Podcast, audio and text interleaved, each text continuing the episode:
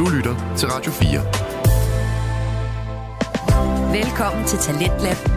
Din vært er Kasper Svendt. Og i aften der kan jeg byde dig på på en uh, historie om et uh, skibsforlis. Så skal vi runde af på julen, og så også se tilbage på dem, vi har mistet inden for kulturen her i 2023. Jeg har nemlig fornøjelsen af at præsentere dig for de tre danske fritidspodcast, frygteligt fascinerende mellem veninder og medieubåden, og uh, den trio lyder sådan her i aften. På en måde så siger det bare sygt meget om samtiden, at man forestiller sig, at en voldtægt og en eventuel disciplinering efter en voldtægt kan bruges til at vinde sympati for et mytteri. Forstå det, hvem der kan, men det er i hvert fald planen. Nej, og hjemme ved os, nej, vi får jo en nødesteg, eller du ved, sådan, mm. vi, spiser, vi spiser der ikke nogen dyr i julen, og med, med, med, og... Det er lidt ud fra den måde, du fortæller dem, at de er lidt selvhøjtidlige, føler jeg. Hold det kæft. Det er noget power. det, er, det er fandme et statement. Mm på alle tænkelige måder. Du lytter til Radio 4. Og først for, så skal vi altså have fat i den uh, fortællende True Crime podcast, Frygteligt Fascinerende med verden, Maria Kudal. Hun byder på historier, vi både kan lade os skræmme, lære og underholde af, og det har hun øh, blandt andet gjort her i løbet af december via hendes øh, advents specials, men hun har altså også budt på de her ja, almindelige afsnit, hvis man kan kalde det det, hvor hun tager fat i nogle øh, historier, som ikke nødvendigvis har noget at gøre med julen. Men både de her advent specials og hendes almindelige afsnit, de understreger altså den øh, gode forbindelse til sine lyttere, for mange af dem er faktisk baseret på lytterønsker. Og det er også tilfældet her i aften, hvor øh, Maria hun tager fat i det øh, velkendt tema her i podcasten, nemlig skibsforlis. Og øh, sådan en fortælling får du altså lige her i aftenens første fritidspodcast, Frygteligt Fascinerende. Det er en prægtig dag ombord på det gode skib Batavia. Du og den resterende besætning har sat sejl, og jeres tur er gået over al forventning. I har haft god vind, og humøret er højt. Der kommer ikke til at gå så frygtelig længe, før I kan gå i land i det hollandske Østindien. Der har du aldrig været før. Faktisk er der ret mange steder i verden, hvor du aldrig har været før. Eller, der er nærmere kun et sted i verden, hvor du har været før. Texel i Holland. Og okay, du har været i Amsterdam en enkelt gang for at besøge din mors kusine. Det var en mærkelig tur og lang. Da I endelig kom frem, fik du kun lov til at spise en lille kage. Det var vigtigt for din mor og far, at det ikke så ud som om, at deres børn var sultne. Kusinen skulle nødig tro, at de ikke havde råd til mad. Det forstår du godt i dag. Og men du dengang tænkte, at siden I jo faktisk ikke rigtig havde haft råd til mad på turen, fordi rejseomkostningerne var så høje, så kunne I vel sådan set lige så godt spise de kager. Når nu de alligevel var sat frem. Men altså, du kan ikke huske så meget af Amsterdam. Og siden har du mest bare været i Texel. Så det er der med en vis portion sommerfugl i maven, når du tænker på, hvordan den østindiske koloni må ser ud. Du har hørt nogle af sømændene tale om, at alle menneskerne der har sort hår og mørkebrun hud, men du tror nok, at det er en overdrivelse. De siger også, at der er så varmt, at det føles som en bageovn, men det lyder heller ikke, som om det helt kan passe. Du har engang set en sømand, som havde en abe med hjem fra kolonien. Den havde et halsbånd om halsen med en snor i og sad på sømandens skulder. Han havde lært den en lille dans, som den kunne optræde med, når han spillede på sin lut. Måske kan du også få din egen abe med hjem fra turen. Det ville din mor og dine søskende virkelig synes var noget. Udover lønnen altså. Lønnen for sejlads i kolonierne er rigtig god. Du kommer til at have penge nok til at købe stof til en kjole til din lille søster og en stor gås, og alt muligt andet. Men først eventyr. Når I ankommer, skal skibet lastes, og for at laste skibet med noget, skal det indkøbes på markedet. Og det skal du selvfølgelig. Pludselig bliver du reddet ud af dit dagdrømmeri. Matrosen i udkigsposten i toppen af masten råber op. Du kigger op på ham. Han virker meget forskrækket. Ser ud som om han febrilsk forsøger at kravle ned ad ræbstigen. Hans ivrighed gør hans bevægelser klodsede. Du vender blikket fremad ud i horisonten. Du kan ikke umiddelbart få øje på, hvad det er, der har gjort ham så oprevet. Det er ikke et farvand med ry for meget pirateri, men man kan jo aldrig være helt sikker. Der er toget, men du er ret sikker på, at der ikke er et andet skib i sigte. Og så pludselig ser du det et klippefremspring og et til. I har kurs direkte mod en kyst. I er på vej ind i en klippekyst. Det er ikke meningen. Ifølge jeres beregninger burde I være flere dage fra land. Alt bliver kaos, og et voldsomt ryg i skibet gør, at du mister fodfæstet. Batavia må have stødt på grund.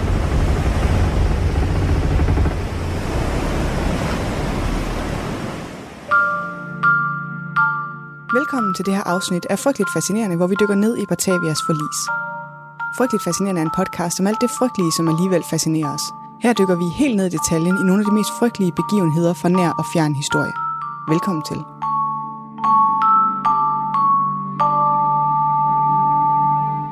Hej, det er Klippe og Fremtids Maria, der bare lige kommer ind med en kort servicemeddelelse. Podcasten holder juleferie. Og det betyder helt konkret for dig, at øh, de sidste almindelige afsnit, det udkommer den 14. december, torsdag. Det handler om Batavia. Og måske det er det, du sidder og lytter til lige nu. Adventsafsnittene fortsætter alle fire søndage, ellers ville det jo ikke være en rigtig adventskalender, men de almindelige torsdagsafsnit, de holder altså ferie i 14 dage. Men jeg kommer også med gode nyheder, for i min ferie, der har jeg valgt at udgive to afsnit af min lille ekstra podcast, PS Nørdmateriale. Herinde i mit almindelige feed. Den podcast er jo ellers normalt forbeholdt medlemmerne af min Buy Me a Coffee, men nu får du altså de to første afsnit i julegave. Helt gratis. Fortælletempoet er noget langsommere end det, jeg plejer at lave. Det er det, jeg nok vil kalde en usleben diamant, men det er rigtig hyggeligt og et slags kig ind bag kulissen. Hvad mere kan man bede om herop til jul? Dagens afsnit er et lytterønske. Yes, endnu et. Er virkelig on a roll med ønskeopfyldelse. Cool og tjekket podcast-type. What is life? Det er Sigrid, der har ønsket dagens afsnit over på Insta. Tak for det, Sigrid. Det har været spændende at dykke ned i. Den 29. oktober 1628 sejler det nybyggede skib Batavia fra det hollandske østindiske kompani ud fra Texel i Holland. De har kurs mod kolonierne i det hollandske Østindien for at hente krydderier. De skal følge noget, der hedder Brewer-ruten. Det er standard for alle skibe fra det hollandske Østindiske kompani. Det indebærer at sejle syd om Afrika med en direkte kurs mod Jakarta. Men her på turen løber Batavia ind i noget, der i dag kan virke sådan lidt banalt, men som dengang udgjorde tidens største videnskabelige udfordring. Måling af længdegrader og en pålidelig måde afgør, hvor i alverden man befinder sig i sin båd, når man har sejlet længe og er for langt fra land til at navigere efter det. Og faktisk så er det her sin helt egen historie. Længdegradsproblemet. Som måske lyder sådan lidt tørt. Længdegrader og navigation. Men det er det absolut ikke. Hvis det var det, så ville jeg jo ikke sidde her og snakke om det i podcasten. En af de bedste bøger, jeg læste sidste år, var også en af dem, der overraskede mig mest. En lille bog, som David Sobel har skrevet, med den simple titel Longitude og undertitlen The True Story of a Lone Genius Who Solved the Greatest Scientific Problems of His Time. Og bevares, jeg læste den jo, så det var ikke fordi, jeg var helt uinteresseret, da jeg startede. Men hvis jeg skal være helt ærlig, så var det mest fordi min far havde givet mig den. Men jeg blev så sindssygt positivt overrasket over den. Hold nu magle, hvor var den god. Den har også mange af de ingredienser, der skal til, for at jeg bliver helt besat af noget. En underdog op imod systemet. Komplekse videnskabelige problemer med fristende simple løsninger. Og så selvfølgelig krydret med en frygtelig masse skibsforlis, en uforlignelig fortælleteknik og skrivestil. Jeg kan simpelthen ikke anbefale den her lille perle nok. Det var Longitude Dava Sobel. Men uden at rande mere om den for nu, så får du bare lige en ultrakort forsimplet forklaring af længdegræsproblemet. Og den starter med lidt historisk kontekst om sejlads på verdenshavene. I takt med, at international verdenshandel og den omfattende sejlads på verdenshavene tager til, så står verdens store søfarende nationer over for én kæmpestor udfordring.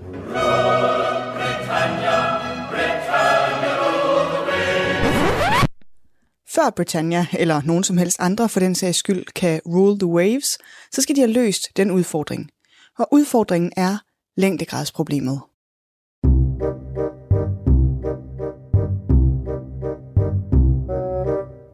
Målingen af breddegrader har været mulig med en vis nøjagtighed i årtusinder. Og pålideligheden er blevet betydeligt forbedret gennem historien med udviklingen af mere og mere avancerede astronomiske instrumenter og navigationsmetoder.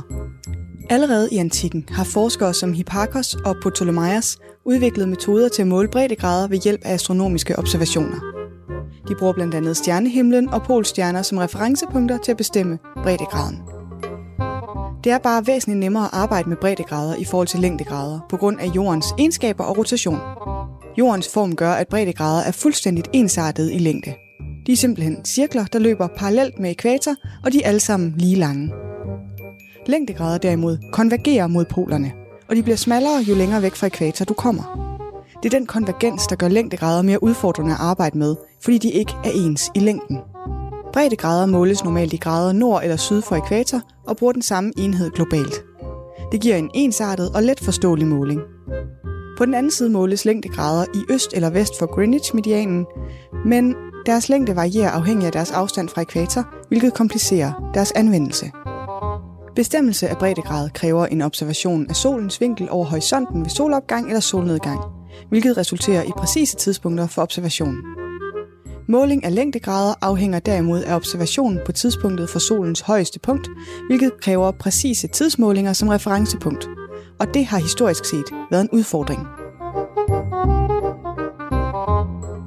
Så helt frem til 1800-tallet, så har man altså ikke nogen pålidelig måde at afgøre, hvilken længdegrad man befinder sig på. Og det skaber, som du nok kan forestille dig, alle mulige udfordringer. Man aner kort sagt ikke, hvor pokker man befinder sig henne. Så hvis det er nat, hvis det er toget, hvis det er uvær eller noget helt fjerde, der giver dårlig sigtbarhed, så risikerer man simpelthen at bumle direkte ind i alt muligt i sit store skib og gå på grund. Øv. Nærmest alle i det 18. århundrede har vidst, at længdegradsproblemet er det mest komplicerede videnskabelige dilemma på den tid. Og det har det i øvrigt været i århundreder. Uden muligheden for at måle længdegrader har sømænd gennem alle de store opdagelsesperioder bogstaveligt talt været lost at sea, så snart de mister land af syne. Tusindvis af liv og i øvrigt alle store søfarende nationers stigende rigdom afhænger af en løsning.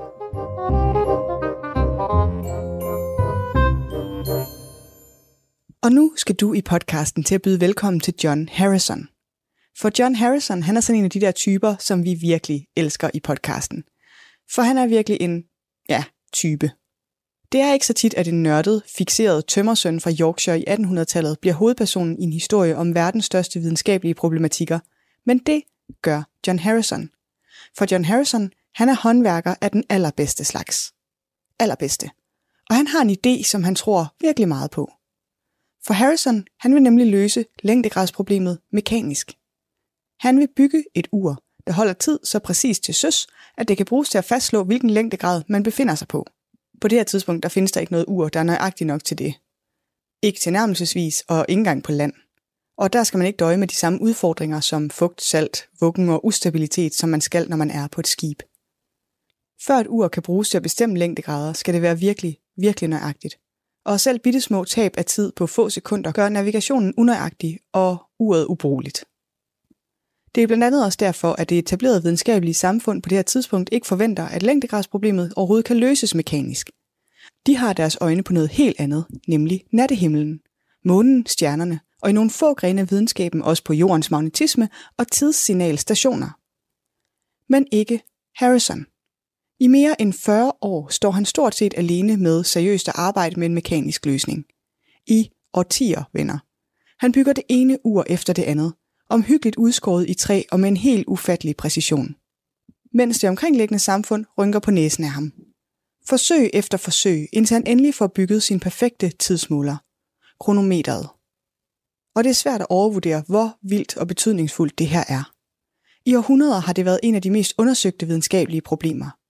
Englands konge har udlået en gigantisk dusør til den, der kan løse det. Og nu står Harrison her med sit kronometer. Hans historie er virkelig værd at dykke ned i, for selvfølgelig giver de ham ikke bare hans dusør og hylder ham som dagens held i skysovs. Det er ikke alle, der sådan lige kan lide, at det er en tømmer fra Yorkshire, der løber med den her. Læs bogen Longitude, David Sobel. Varm anbefaling. Og efter opdagelsen, så følger der en mindre her af urmager, der alle påtager sig den særlige opgave med maritim tidsmåling. Det bliver en blomstrende industri i en blomstrende søfartsnation.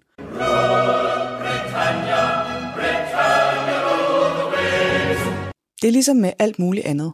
The 4 Minute Mile, maraton på under 2 timer og 30, og løfte mere end 500 kilo, der engang stod som umulige barriere at slå, og som nu er måske ikke almindelige, men i hvert fald bredere udbredte.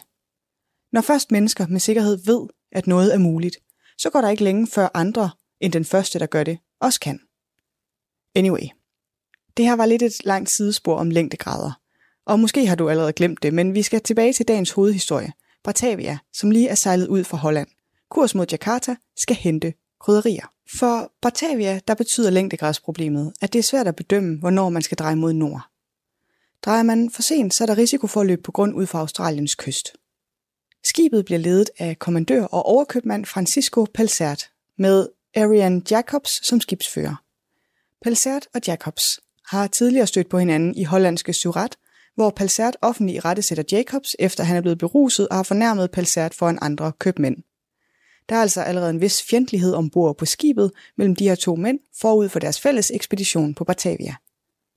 Ombord er også den unge købmand Jeronimus Cornelis, en falderet apoteker fra Harlem, som er i gang med at flygte fra Holland.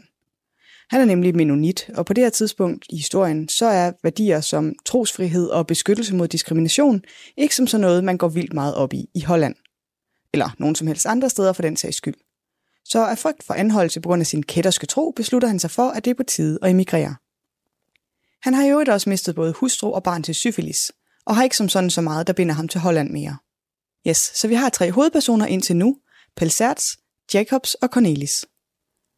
Og ifølge Palserts beretning, og det er den mest udførlige historiske kilde, vi har om de her begivenheder, men den er selvfølgelig også partisk.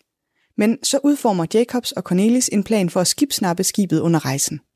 Brug det som en mulighed for at starte et nyt liv op et nyt sted i verden ved hjælp af den enorme mængde handelsguld og sølv, som er ombord.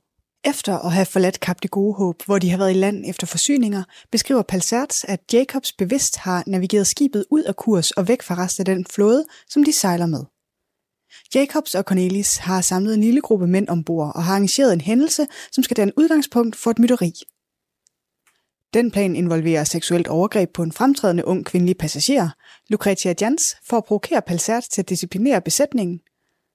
Sådan er der så meget. Mytteristerne håber, at de kan fremstille en eventuel disciplinering som uretfærdig, og på den måde vende besætningen til at sympati for mytteriet. På en måde så siger det bare sygt meget om samtiden, at man forestiller sig, at en voldtægt og en eventuel disciplinering efter en voldtægt kan bruges til at vinde sympati for et mytteri. Forstå det, hvem der kan, men det er i hvert fald planen. Det lykkes dog ikke sådan ægte, fordi Lucretia hun kan sagtens identificere sine overfaldsmænd, disciplineringen bliver anset som retfærdig, der kommer ikke noget mytteri. Men i mellemtiden så går det grueligt galt på Batavia. Radio 4. Ikke så forudsigeligt. Du er skruet ind på programmet Talents Lab her på Radio 4, hvor jeg, Kasper Svendt, i aften kan præsentere dig for tre afsnit fra Danske Fritidspodcast. Her først er det fra Frygteligt Fascinerende, en øh, fortællende true crime podcast med Maria Kudal, og øh, her der vender vi tilbage til hendes afsnit omkring endnu et skibsforlis.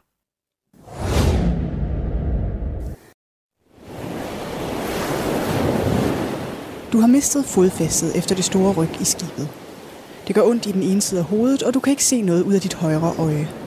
Men du kan mærke, at alt dit tøj er blevet helt vådt, og du kan smage salt og jern. Du har svært ved at orientere dig, og du glider hele tiden, når du forsøger at komme op og stå. Efter nogle forsøg går det op for dig, at det er fordi dækket hælder voldsomt. Det, der ser ud til at være ned, er ikke sådan helt ned. Det er meget forvirrende, og det gør det svært at holde balancen. Der er glat, og folk råber. En tynde med ballast driver sig fri fra sin fortøjning og kommer susende imod dig. Du undviger den kun med nød og næppe. Og pludselig slår det dig.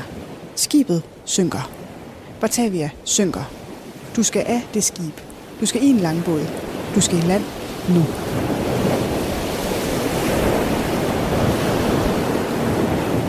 Den 4. juni 1629 rammer skibet Morning Reef nær Beacon Island ud for Australiens vestkyst. Af de 322 ombord lykkedes det de fleste passagerer og besætningsmedlemmer at komme i land. Omkring 40 personer drukner. Overlevende, herunder kvinder og børn, sejler derefter til nærliggende øer i skibets langbåd og jolle.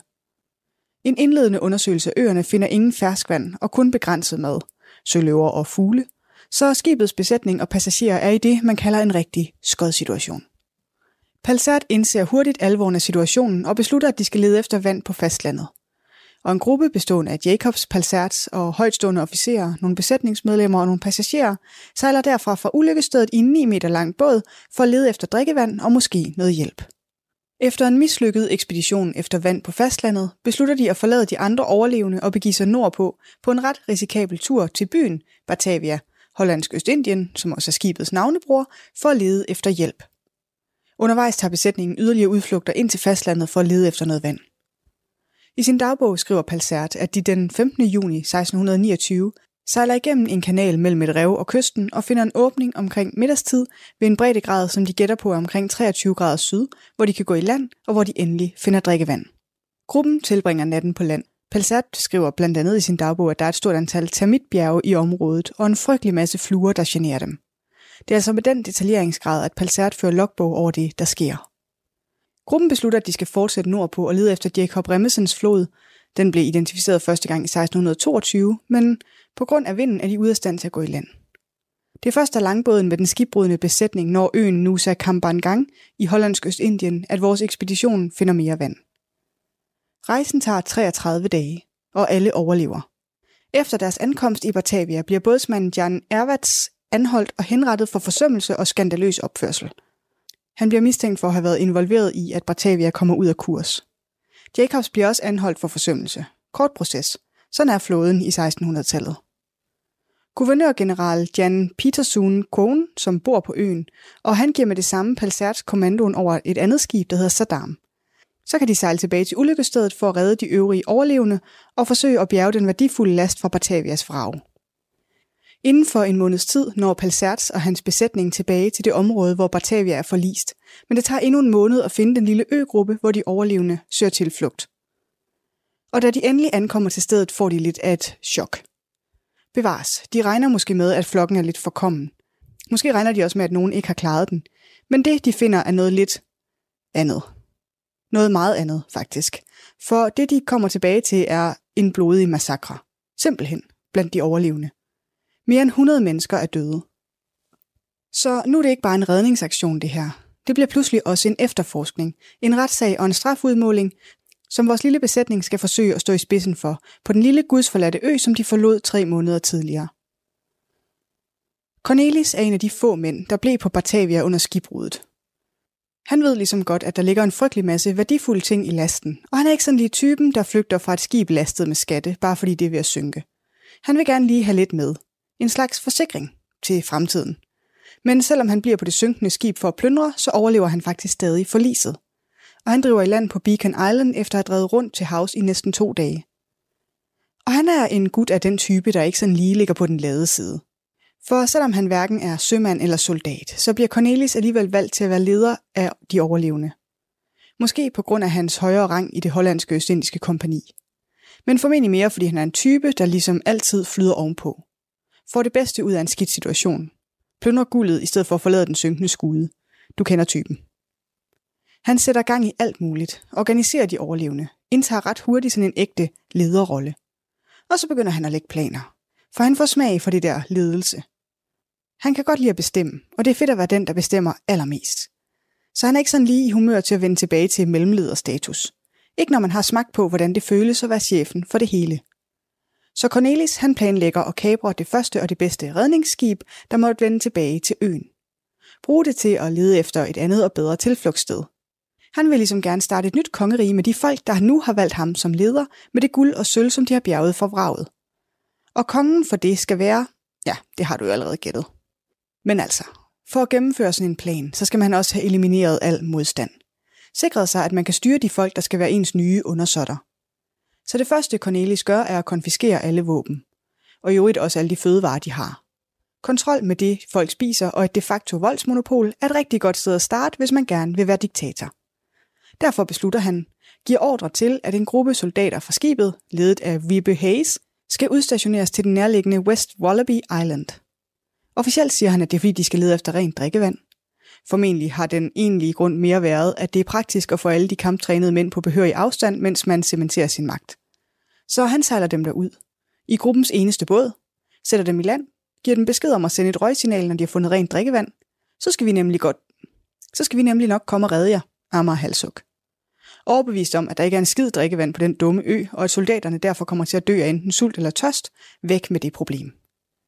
Tilbage til de øvrige overlevende, som nu kommer til at være dejligt nemme at tage fuld kontrol over. Og så begynder det, som man bedst kan beskrive som Cornelis redselsregime. For som du nok kan fornemme, så er han ligesom ikke rigtig typen, der er nogen særlig god leder. Faktisk så er han ligesom alt det, som en god leder ikke skal være. Brutal, magtfuldkommen, paranoid og godt gammeldags vanvittig. For selvom Cornelis aldrig selv begår nogen mor på den lille ø, selvom det nogle steder er angivet, at han forsøger og mislykkes med at forgifte en baby, så er det ham, der står bag den massakre, som vores lille redningshold finder, da de ankommer til øen. I løbet af de måneder, de er strandet på øen, tvinger Cornelis adskillige af de andre skibbrudne til at begå mor for sig. Som regel under påskud af, at offeret har begået en forbrydelse, såsom tyveri. Til at starte med har morerne formentlig været for at opretholde kontrollen med gruppen eller dække over noget, som Cornelis og hans håndlangere har gjort. Men senere overgår det altså til drab på fornøjelse eller ud af ren og skær kedsomhed eller vane. I optegnelser finder man, at Cornelis planlægger at reducere øens befolkning til omkring 45, så deres forsyninger kommer til at vare så længe som muligt. Han frygter også, at mange af de overlevende stadig er lojale over for handelskompaniet og derfor vil skifte side, hvis der kommer et redningsskib forbi. I alt myrder Cornelis tilhængere mindst 110 mænd, kvinder og børn. Et lille antal kvinder bliver holdt som sexslaver.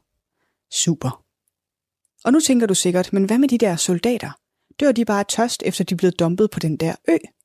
Og det er godt tænkt du, fordi det gør de faktisk ikke. Heldet er med dem, og der er gode kilder til både vand og mad på West Wallaby Island. Og det har de faktisk også forsøgt at signalere tilbage til øen om med førnævnte røgsignal. Men det har Cornelius ignoreret. Formentlig fordi han tror, at det bare er soldaterne, der gerne vil hentes tilbage. Eller også fordi han er ligeglad. Han har brug for, at de er vejen, og det var aldrig planen, at de skulle hentes hjem igen. Rent drikkevand eller ej.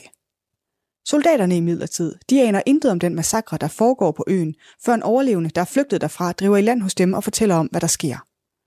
Så soldaterne gør det, som soldater gør. De bygger våben, en improviseret fæstning, laver et vagtskema med vagtposter, så de er klar, hvis Cornelis mænd på et tidspunkt skulle beslutte sig for at komme anstigende. Så da Cornelis og hans folk ligesom så småt begynder at løbe tør for forsyninger, og det måske også begynder at gå op for ham, at gruppen af soldater kan udgøre lidt en trussel for ham og hans gruppe, så beslutter de sig for en ekspedition. De stærkeste af hans mænd i en båd over til West Wallaby Island, så de kan forsøge at besejre soldaterne. Men altså, på det her tidspunkt, så er soldatergruppen langt bedre ernæret end Cornelis gruppe. Så efter et par sammenstød besejrer soldaterne let Cornelis invasionsgruppe, og Cornelis bliver taget som gissel. En lille gruppe overlevende mænd undslipper, regrupperer og forsøger sig igen med en belejring af soldatergruppen. Det lykkes så heller ikke. Så da redningsekspeditionen med skibet Saddam ankommer, så opstår der sådan et lidt bizart kapløb ned til redningsskibet mellem de Cornelis-loyale mænd og soldatergruppen. Alle er ligesom interesseret i at ankomme først og fremlægge sin side af historien. Det lykkes for Hayes, lederen af soldatergruppen, som fremlægger sin version af begivenhedernes forløb for Pelserts. Efter en kort afsluttende kamp bliver alle mændene fra Cornelis gruppe taget til fange. Så langt, så godt. Fordi vi er i 1600-tallet, og fordi skibsfart er både dyrt, langsomligt og besværligt, så beslutter Pelserts at afholde retssagen lige der på øen. Fordi skibet Saddam simpelthen ville blive overfyldt, hvis de både skulle have overlevende og fanger med tilbage. Ressourcerne er knappe, det er bedre bare at få det overstået. Efter en kort retssag bliver en stor gruppe af Cornelis' mænd ført til Seal Island og henrettet. Cornelis og flere af hans mest loyale håndlangere fik begge hænder hakket af, før de blev hængt. Et par af de mænd, der havde holdt med Cornelis, men ikke blev betragtet som de største forbrydere, bliver sat i land på det australske fastland og bliver aldrig hørt fra igen. De er altså formentlig de første europæere til at være fastboende i Australien. Hvis man altså på den måde kan kalde det at blive dumpet på en eller anden kyst for at være fastboende. Resten af Cornelis' håndlangere bliver taget med tilbage til øen Batavia for at komme for en rigtig retssag. Nogle fanger har der trods alt været plads til ombord på skibet. Fem bliver hængt, mens flere andre bliver pisket, kølhalet eller kastet over reglingen på den senere rejse hjem til Holland. Cornelis' næstkommanderende, Jacob Peters, bliver redbrækket på hjulet, den strengeste straf, der er tilgængelig på det her tidspunkt. Et undersøgelsesudvalg beslutter, at Pelserts har udvist manglende myndighed, og derfor delvist er ansvarlig for det, der er sket. Hans økonomiske midler bliver beslaglagt, og han dør inden for et år efter hjemkomsten. Hayes derimod bliver hyldet som en held og forfremmet til sergeant. Dem, der har været under hans kommando, bliver også forfremmet til korporaler. Af de oprindelige 332 personer ombord på Batavia når kun 122 frem til havnebyen Batavia af samme navn. Saddam sejler til sidst hjem med det meste af skatten fra forliset, som det lykkedes at redde. Af de 12 skatkister, der oprindeligt er ombord, bliver 10 bjerget og sat ombord på Saddam. Og mens vi taler om skattekister, så vil jeg bare lige benytte lejligheden til at sige tusind tak til alle dem, der har støttet mig og podcasten på Buy Me Coffee. Det er jeg så uendeligt taknemmelig for. Og jeg er selvfølgelig al min benovelse styrtet ud og har brugt alle pengene på noget udstyr, så jeg kan lave sejt ekstra materiale til dem, der støtter hver måned. Eller, altså jeg har brugt alle pengene og mere til. Sådan er det, når man sådan lader sig rive med. Det, der skulle have været en lille skilling for det arbejde, jeg ligger i podcasten, er blevet hen og blevet en udgift. Hashtag girlmath. Men hvis du vil høre, hvad der sker derinde, så er det altså ind og støt. Jeg ved ikke, om jeg kan anbefale det. Det er sikkert ikke særlig godt. Det hele er lidt et eksperiment derinde. Ellers kan det også være, at noget af det udkommer herinde i feedet i fremtiden. Måske en af feriepauserne. Hvem ved? Mulighederne er uendelige. Verden er min østers. Og med de ord, så slutter dagens afsnit. Her til slut, så vil jeg bare lige komme med en podcast-anbefaling. Hvis du også interesserer dig for videnskab og for videnskabshistorie, så anbefaler jeg at give podcasten Periodisk en chance. Den handler om det periodiske system. Et emne, der ligesom længdegrader ikke er helt lige så tørt, som det lyder. Jeg kan for eksempel anbefale afsnit 12, der handler om magnesium, og også lidt om et skibsforlis. God fornøjelse. Det var afsnit 67 af Frygteligt Fascinerende. Research er skrevet, optaget og redigeret af mig. Jeg hedder Maria. Næste afsnit kommer allerede i næste uge, og du kan høre det der, hvor du normalt lytter til podcast. Lytter til Talentlab på Radio 4. Og her var det altså aftenens første fritidspodcast. Frygteligt fascinerende hedder den, og har verden Maria Kudal. Og du kan altså finde flere afsnit fra den her fortællende True Crime podcast inde på din foretrukne podcast tjeneste. Og så vil jeg også råde dig til at øh, følge Maria inde på det sociale medie Instagram, hvor der altså også er en masse at øh, komme efter. Og det er også tilfældet ved øh, samtalepodcasten mellem veninder, som har de to værter, Anne-Sophie Sackenberg og Josefa Nielsen. De byder nemlig på øh, underholdning, hygge og også ret tit lidt til øh, eftertænksomheden her i deres podcast, som altså består af et par unge kvinder, der er både klar med anekdoter og meninger, som du kan forholde dig til. Du får også en øh, mulighed for at øh, spejle dig selv, eller måske en øh, anden ung kvinde, du kender, i de to værter, og det er også tilfældet her i aften, hvor julen selvfølgelig står for døren. Her får du nemlig aftenens afsnit fra Mellem Veninder, der har fået den meget sigende titel Glade Jul.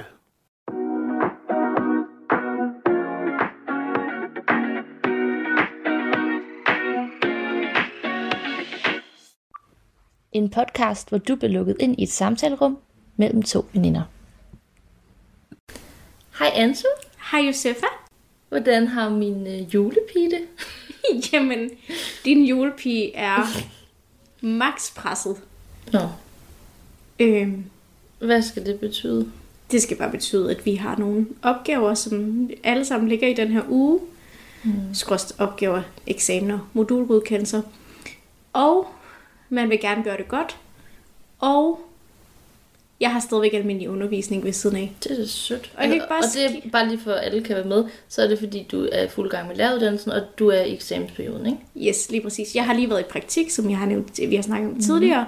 Og nu der er jeg så ved at lave den famøse praktikopgave, mm. som jeg skal op og forsvare. Og så er der nogen, der tænker, okay, hvorfor går hun sådan amok over det? Jamen det er ikke fordi, jeg går amok over det, det er bare fordi, at jeg simpelthen ikke har tid til at skrive den. Det er mere det. Mm. Ja. Så det... Lige for at sådan lave en lille servicemeddelelse, så kan vi jo lige spørge, hvordan gik din praktik? Fordi den er jo så færdig. Den er nemlig færdig. Den blev afsluttet 1. december. Øhm, Lige så du kunne komme ind i julen. Ja, Nå. selvom der findes ikke noget bedre end at fejre jul på sådan en folke, eller ikke, det er jo ikke en folk, men på sådan en skole, ja. der var ved at sætte juletræet op dernede. Oh. Inden jeg kigger, og jeg var sådan, nej, det vil jeg godt være med til at pynte. Det forstår jeg godt. Nej, men for at svare på de spørgsmål, så gik det faktisk rigtig fint i praktikken. Mm. Øhm, ja, det virkede som om, at, at de var mega, vi var jo to, der var i praktik samme sted, det virkede som om, de var mega glade for os, og vi var glade for dem. Dejligt. Ja. Godt at høre, det var en god oplevelse. Ja, Og Og- hvad? Hvor er du? jeg er på øh, en puff lige nu. Jeg sidder på en puff i min stue. Undskyld. Ej, ja, vi kan jo lige starte med at sige, at øh, vi sidder i min lejlighed, og det ligner, at vi er flytteråd. Ja, det gør det. det jeg er ligner, I ikke ved at flytte. Vi skal have nye vinduer. Vi skal ja. have termovinduer, går jeg ud fra. Håber vi det. Håber vi. Ja. Men ja, det, og så tilbage til det, du spørger om. Det går godt. Jeg skal jo stoppe lige om få dage øh, på min praktik, så det er sådan lidt ja. mærkeligt, synes jeg. Øhm, jeg har jo været så glad for at være der. Det er ikke mange dage siden, jeg har gået Lucia-optog, hvor jeg var brud. Nej. Det var en god oplevelse. Ja, det lyder også dejligt. Ja. Og man kan jo sige, at du har jo også haft et noget længere praktikforløb end jeg, så derfor så må det jo være noget.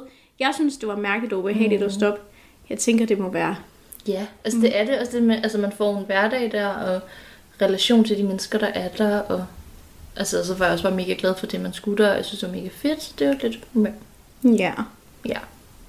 Men, øhm, men det er jo jul stadig. Ja, det er jo det. Og det gør jo alt meget bedre. Ja. Ja. Og i dag, der vil vi jo rigtig gerne bare snakke lidt om det der med, hvordan holder man jul? Hvad synes man egentlig om jul? Øhm, så man nok kan mærke på stemningen, så overvejende er vi ret glade for jul. Ej, vi er meget glade Ja. for jul. Ja. Jeg tror, min mor ville kalde os nogle små julegris. Ja, det er På fynsk. Ja, Ja. ja, ja. ja. Ja, og du har altid elsket jul, har du ikke det? Jo. Ja. Jeg prøvede lige at huske tilbage. Jeg kan kun huske, at jeg har elsket jul. Ja. Ja. Hvordan sådan holdt du så jul, da du var barn? Kan du sådan, er der nogle ting, du sådan kan huske, sådan var det for mig at have jul? Eller sådan, Ja. det her kunne jeg godt lide. Jeg kan for eksempel altid, jeg kan godt huske de år, hvor julemanden kom. Ja? Som jo så ikke var den rigtige julemand. Nå. Jeg kan, jeg kan lige så huske, at jeg ved, kan se nu, at det var min onkel, der var julemanden. Mm. Og jeg var meget glad for min onkel, jeg var lille. Mm. Og så ville jeg altid være sådan, ej, du gik glip af, at julemanden var der. Mm. Og var helt ulykkelig på hans vegne. Jeg fattede simpelthen ikke det der med, at det lige passede med, ja. at han missede ham. Nej. Det, altså sådan, det var det også for mig. Altså, jeg, det var, min far var altid ude at tisse, da julemanden kom. Det var så synd for ham. Han Ja. gik også glip af det helt store. Show. Ja. Ja. Ej, hvor er det så trist. Men det er også meget sødt. Ja. Og så, nej, og så kan jeg bare huske sådan stemningen, og mm. så kan jeg huske det der med, at juleaftensdag, det var den længste dag på Ja. året. Ja. Ej, hvor var der længe ja. til. Jeg hørte faktisk altid den der, i aften er Ja. jule. Og jeg sad bare og kunne relatere for vildt og stod sådan, ligesom du ved, når man hører en trist sang nu og kigger ud af vinduet og græder. Sådan havde jeg det seriøst til den sang. Jeg sad bare, fuck, der går Okay, jeg sagde ikke fuck, men jeg tænkte bare, ej, hvor der gik lang tid, og hvad skal da bruge min tid på? Altså, hvad skal jeg bruge min tid på? Jamen, jeg havde det på samme måde. Og, øh, så og det er så sjovt, fordi at da jeg var barn, så kan jeg huske, at det der med, at vi skulle have mad. Mm. Jeg var sådan, ja ja, det er fint, og det smager ganske udmærket. Men kan vi komme til det vigtige nu? Ja, ja. Og jeg kan ikke lide at sige det. Jeg kunne simpelthen ikke vente på de gaver. Nej. Ej, hvor jeg lurede. Og min bror og jeg, og min mor, hun... Ja, min bror og jeg, vi øh, har, vi har, jeg vil ønske at se, kunne sige, vi havde en tradition, da vi var børn. Vi har en tradition, mm-hmm. og det er at gå og lurepas på gaverne. Og det gør du stadig? Ja, Ej, det var altså, det måtte man ikke hjemme med mig, og det Nej. gør vi ikke. men min mor har der også, hun gemmer der gaverne. Det er lidt ligesom i, uh, i Friends, hvis Ja, man har ja, set ja. det, hvor Monica, hun gemmer alle gaverne. Ja, Fordi at uh, Rachel og Phoebe prøver at finde dem hvert år. ja. Men det er sådan lidt, de kommer først frem på juleaftensdag, lidt sent på dagen. Ej, hvor er I stykke. I er voksne begge to. Ja, ja, men nu har hun jo gemt dem i mange år. Ja. Så hun er jo også lidt... Ja, ja, men det... Øhm, jamen, det, det må jeg sige, det er stadigvæk meget spændende. Og det er også os, der deler dem ud stadigvæk. Ja, det gør vi også.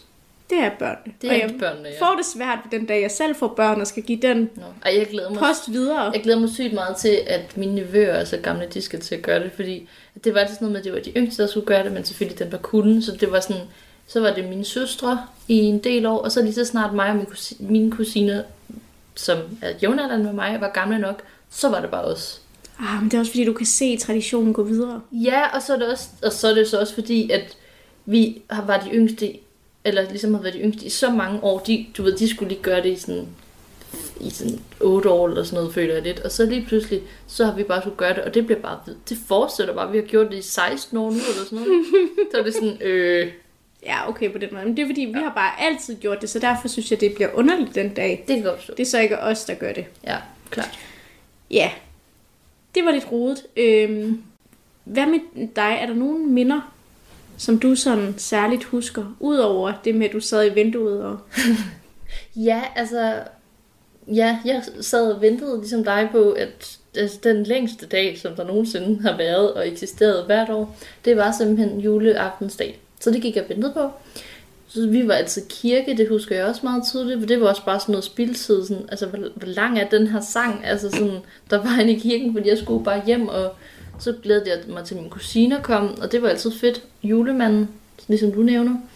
Og så har jeg jo også, jeg har bildet mig selv ind rigtig mange gange, at jeg har set julemandens kane komme flyvende. Og jeg ved simpelthen ikke, jeg husker en gang, tydeligt en gang, hvor jeg sagde til min søster, var sådan, ej, jeg har lige, jeg har lige set julemandens kane flyve forbi. Og hun var så sød, og, og hun var sådan, nej, hvor er det flot, ej, hvor sejt, og sådan noget. Altså, hun er jo 12 år ældre end mig, ikke? Så jeg tror, hun tænkte, åh, lille ven, hvordan kan du bilde dig selv det ind? Men hun var virkelig sød omkring det. Så det husker jeg tydeligt, men det var meget det der med sådan, og meget ventetid, og meget sådan spænding.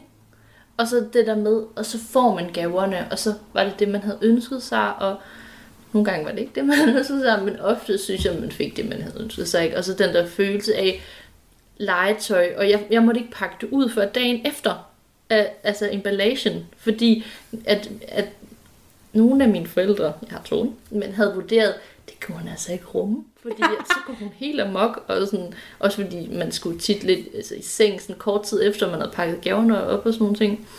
Og så kunne jeg bare huske den der følelse at jeg skulle vente. Og så nogle gange måtte jeg sådan pakke en af tingene op, og så Ja. yeah. skulle pakkes ud dagen efter. Også fordi det var jo tit sådan dukketing og sådan noget. Så var der sådan nogle små hårbørster og ting med, der nemt kunne komme med, med ned i skraldeposerne og sådan noget. Så det var sådan, vi venter lige med det. Så måtte jeg pakke én ting op, og jeg var fuldstændig oppe at køre.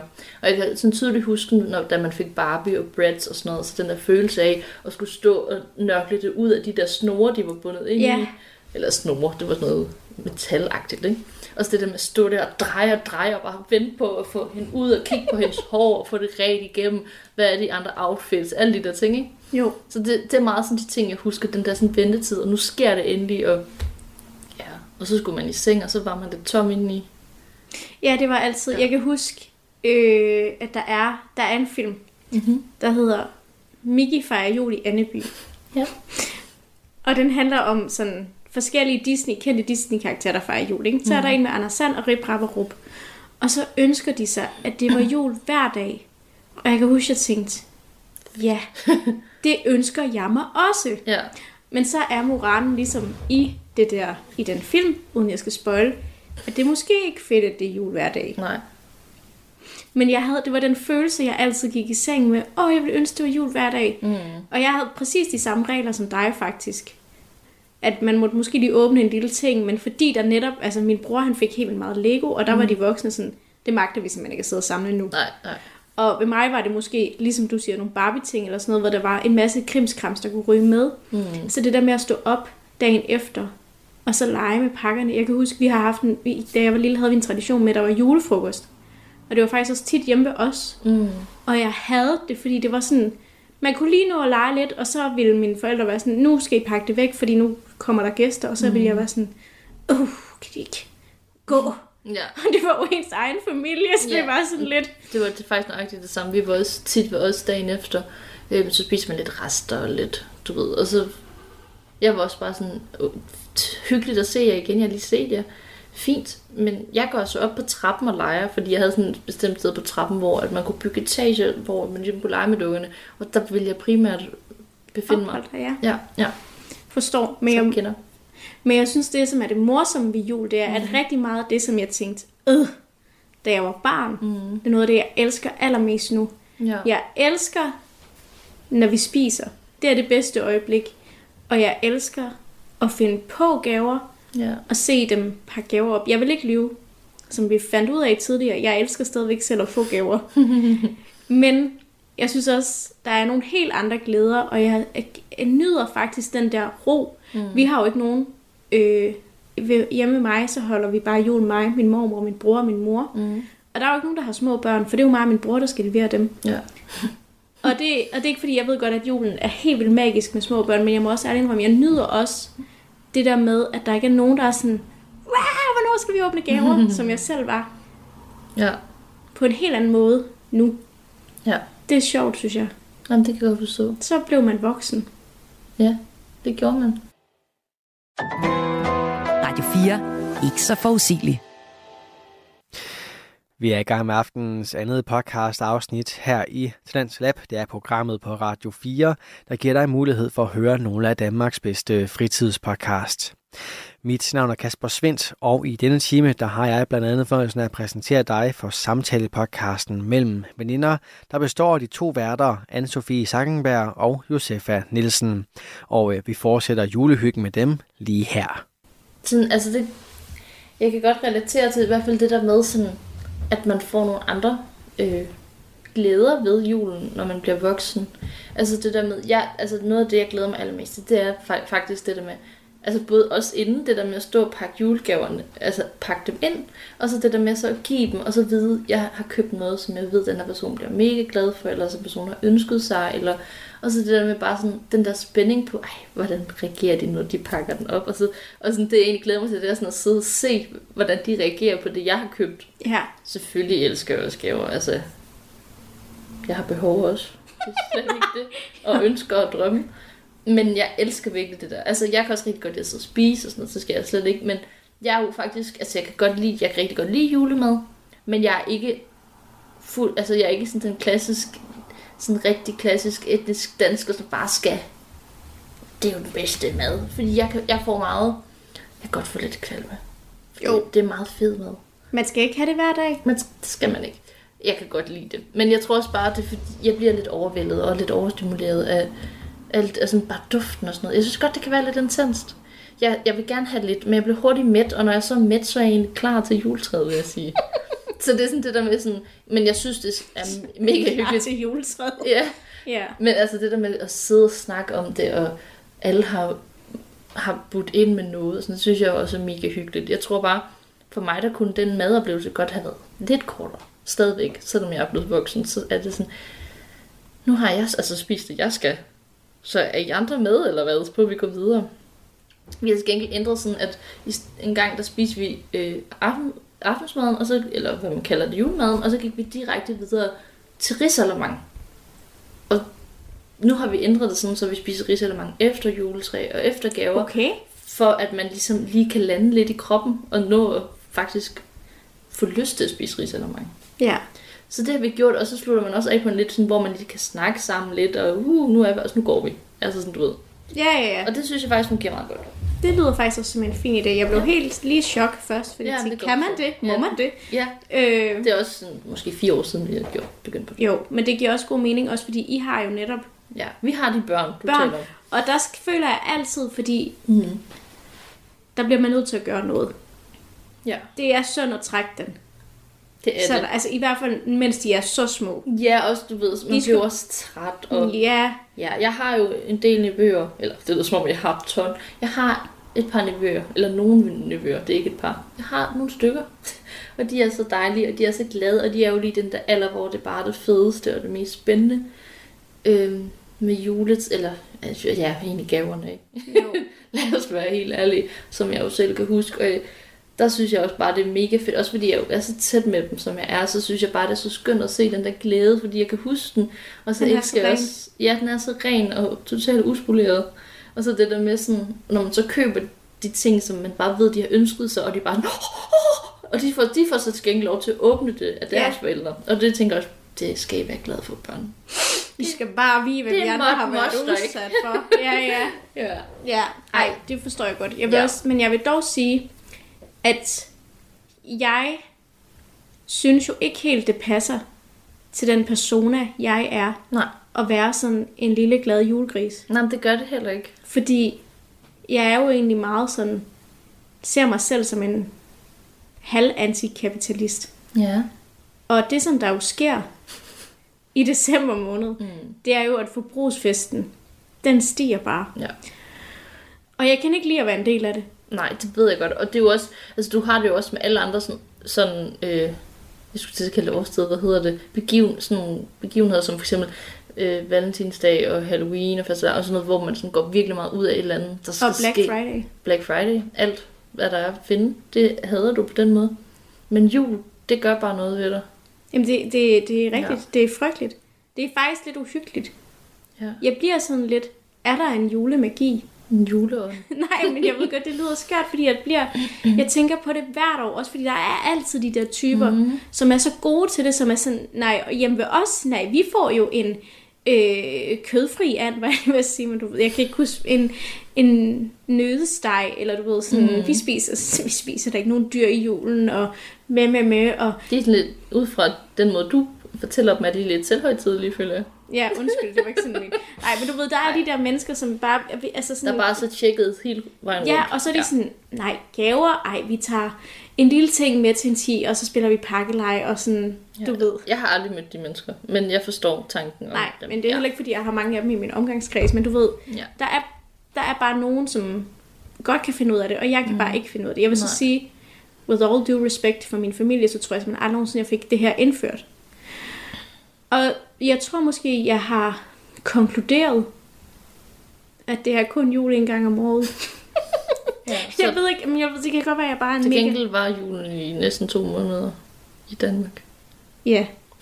Jo, jo, men det er jo ikke... Altså, jeg vil så også sige til mit eget forsvar. Jeg har jo ikke nogen penge, så jeg, jeg, jeg, er- så meget deltager jeg heller ikke i den forbrugsfest. Nej. Jeg køber en gave til dem, jeg holder af tættest på. Og så vil jeg også sige, at det er jo ikke fordi, jeg får heller ikke i overflod af gaver. Jeg retfærdiggør det ved at sige, at jeg er på SU. Jeg har det faktisk, jeg har sagt til min familie, når at mig og min bror, vi ikke længere er studerende, mm. synes jeg, at vi skal tage det op til overvejelse med gaverne. Altså som i, at du vil ikke have gaver mere? Nej, men som i, at vi måske bare skal nøjes med en gave per person. 10. Ja. Ja. Det vil jeg dog sige Ja. ja. til mit eget forsvar. Men jeg har også en julekalender. Ja. En chokolade-julekalender. Jeg har jo faktisk tre julekalender. Men jeg vil sige, at to af dem er skrabkalender. Ja. Og så er der en chokolade julekalender. Tror du, du får en vinder noget i skrabbejulekalenderen? Øh, jeg har en dårlig mavefornemmelse, men min Uff. kæreste har en super god mavefornemmelse. Nå, nå. Han er sikker på, at jeg vinder noget. Så det er jo dejligt, hvordan man ligesom kan støtte Ja. hinanden. Det også ham, der har købt den og udvalgt den, så han tænker nok, at han har valgt den helt rigtigt. Ja, ja. Han har jo også lige nogle dage at løbe på. Ja. Ej, jeg, jeg kan virkelig... Altså, jeg kan. Altså, Men også i forhold til juletræer. ja. Ej, undskyld, jeg afbryder, men det kom bare lige til at tænke på. Mm. Jeg elsker øh, levende træer. Altså, jeg elsker... Jeg ved godt, jeg burde... Mig og min mor, vi burde have købt et, et juletræ, mm. som vi kunne have for evigt. Mm. Men vi køber et nyt juletræ hvert år, Ja. fordi jeg elsker duften. Mm. Ja. Ja. Jeg har faktisk snakket med min familie om, om vi i år skulle købe et genanvendeligt juletræ. Øhm, og det, det var der faktisk ret mange, der synes var fedt. Øhm, så må du købe sådan en af de der små juletræer, man kan have i bilen, hvis du godt kan lide lugten af græn. Jeg elsker duften af juletræ. Jamen, det dufter også godt. Og jeg elsker den måde, de mærkes på. Altså, jeg nusser nærmest med grenene. Men det er også, fordi jeg har overtaget rigtig meget af julen ja. derhjemme. Fordi folk hopper fra traditionerne hjemme med mig. Så nu er jeg ligesom hovedansvarlig for at pynte det juletræ. Ja. ja, men jeg kan godt forstå dig i alle de ting, du siger. Jeg synes jo også, der er noget sådan, altså meget forbrugeragtigt ved julen. Men der er bare også så mange, altså jeg tror også, det er der med, at man har været så glad for det som barn. Og der er jo selvfølgelig mange, der så sådan skruer lidt ned for charmen i det, når man de så bliver voksne. Men vi har for eksempel begge to fortsat med den glæde, ikke? Jo. Og så er det bare rigtig svært, det der med at lave det om, fordi det var ikke sådan, det var, da vi var børnagtige. Altså det der med den glæde, man, altså man kan huske alle delene, der gjorde, at det her det er jul, og de der ting, at man så lige pludselig skal vælge det fra, fordi det er mere øh, klimavenligt, eller at, altså ikke støtter, ja, du ved, alle de der ting, man ligesom kan vælge fra i det, men det er jo bare mega svært at gøre. Men man kan jo tage sådan nogle små forskellige ting, altså sådan, så kunne man måske vælge et, en form for kød, for eksempel, i stedet for at have Ja. tre forskellige, og man kunne vælge, Og det er en personlig hets til min familie. nej, Vi har jo tre forskellige. Nå, okay. Det, det tror jeg, nej, det tror jeg, der er mange, der har. Ja. Jeg tror, der er mange, der har en flæskesteg, og så har, der, har de en and, og så har de en medister eller sådan I hvert fald på Fyn med det med medisteren. Nå, okay, er det en Det er en fyns ting, ja. Ja, hvor sjovt, det vidste jeg ikke. Gå ud til os fynboer, der Ja. kan lide medister. Nej. Men i hvert fald det der med at vælge, ja, lige vælge noget, ikke? Og så tænker jeg også på, altså det der du siger med for eksempel genanvendelig juletræ, altså sådan, altså det, jeg synes det er okay, at man også beholder nogle, nogle ting af det, der gør en glad, men man kan jo ligesom tage sådan nogle bitte små forandringer, som man ikke mærker så meget, der ligesom kan gøre en forskel, og så måske lade være med at købe julepynt hvert år. Det ved jeg ikke, om folk gør. Ja, det ved jeg heller ikke. Altså, det gør vi ikke. Det gør vi heller ikke. Altså, og det meste af mit julepynt, det er jo også noget, jeg sådan har arvet. Og så har jeg ønsket mig nogle enkelte ting. Men det er jo meget, altså sådan, ja, jeg har arvet rigtig meget fra min farmor, og fra min, altså, som jeg har hjemmefra, og sådan noget, som min mor ikke bruger mere, og sådan nogle ting. Altså, du ved, sådan nogle små ting, der ligesom gør, at man ikke går helt amok i det der forbrug. Og så selvfølgelig sådan noget med, øh, måske lave nogle lave hjemmelavede gaver, hvis man er lidt creative type. Det er jeg ikke selv. Men, Nej, eller, men også bare sådan, hvis der nu er nogen, der ønsker sig et spejl. Nu det er bare helt tilfældigt, at jeg siger spejl. Så siger du, kig på det og se dig selv. Har du virkelig lyst til at bruge penge på det? Nej, Nå. men så i stedet for at tage ud i IKEA eller sådan noget, så kunne ja. man jo godt lige køre forbi en genbrugsbutik, se om der var et fedt spejl. Så ved jeg godt, at vedkommende ikke kan bytte det, men Altså du ved, hvis, hvis man nu kan få noget brugt, mm. som stadigvæk er det, ja. så må man jo bare lige koordinere med samtlige familiemedlemmer, ja. så det ikke alle, ikke alle har været igen og købe fem spejl. ja. Fordi så kan jeg godt se, så bliver det et problem, ikke? Ja. Du lytter til Talentlab på Radio 4. Og vi tager lige en øh, kort pause fra de to veninder, Anne-Sophie Sackenberg og Josefa Nielsen, og øh, deres podcast Mellem Veninder, for at gøre plads til nyhederne her på Radio 4. Efter dem, så vender vi både tilbage til øh, de to unge kvinder, og også podcasten Medieubåden, der kigger på kulturen og dem, vi har mistet inden for den i 2023. Men altså først en omgang nyheder, der bliver leveret til dig af verdens bedste nyhedsoplæser. Du har lyttet til en podcast fra Radio 4. Find flere episoder i vores app, eller der, hvor du lytter til podcast.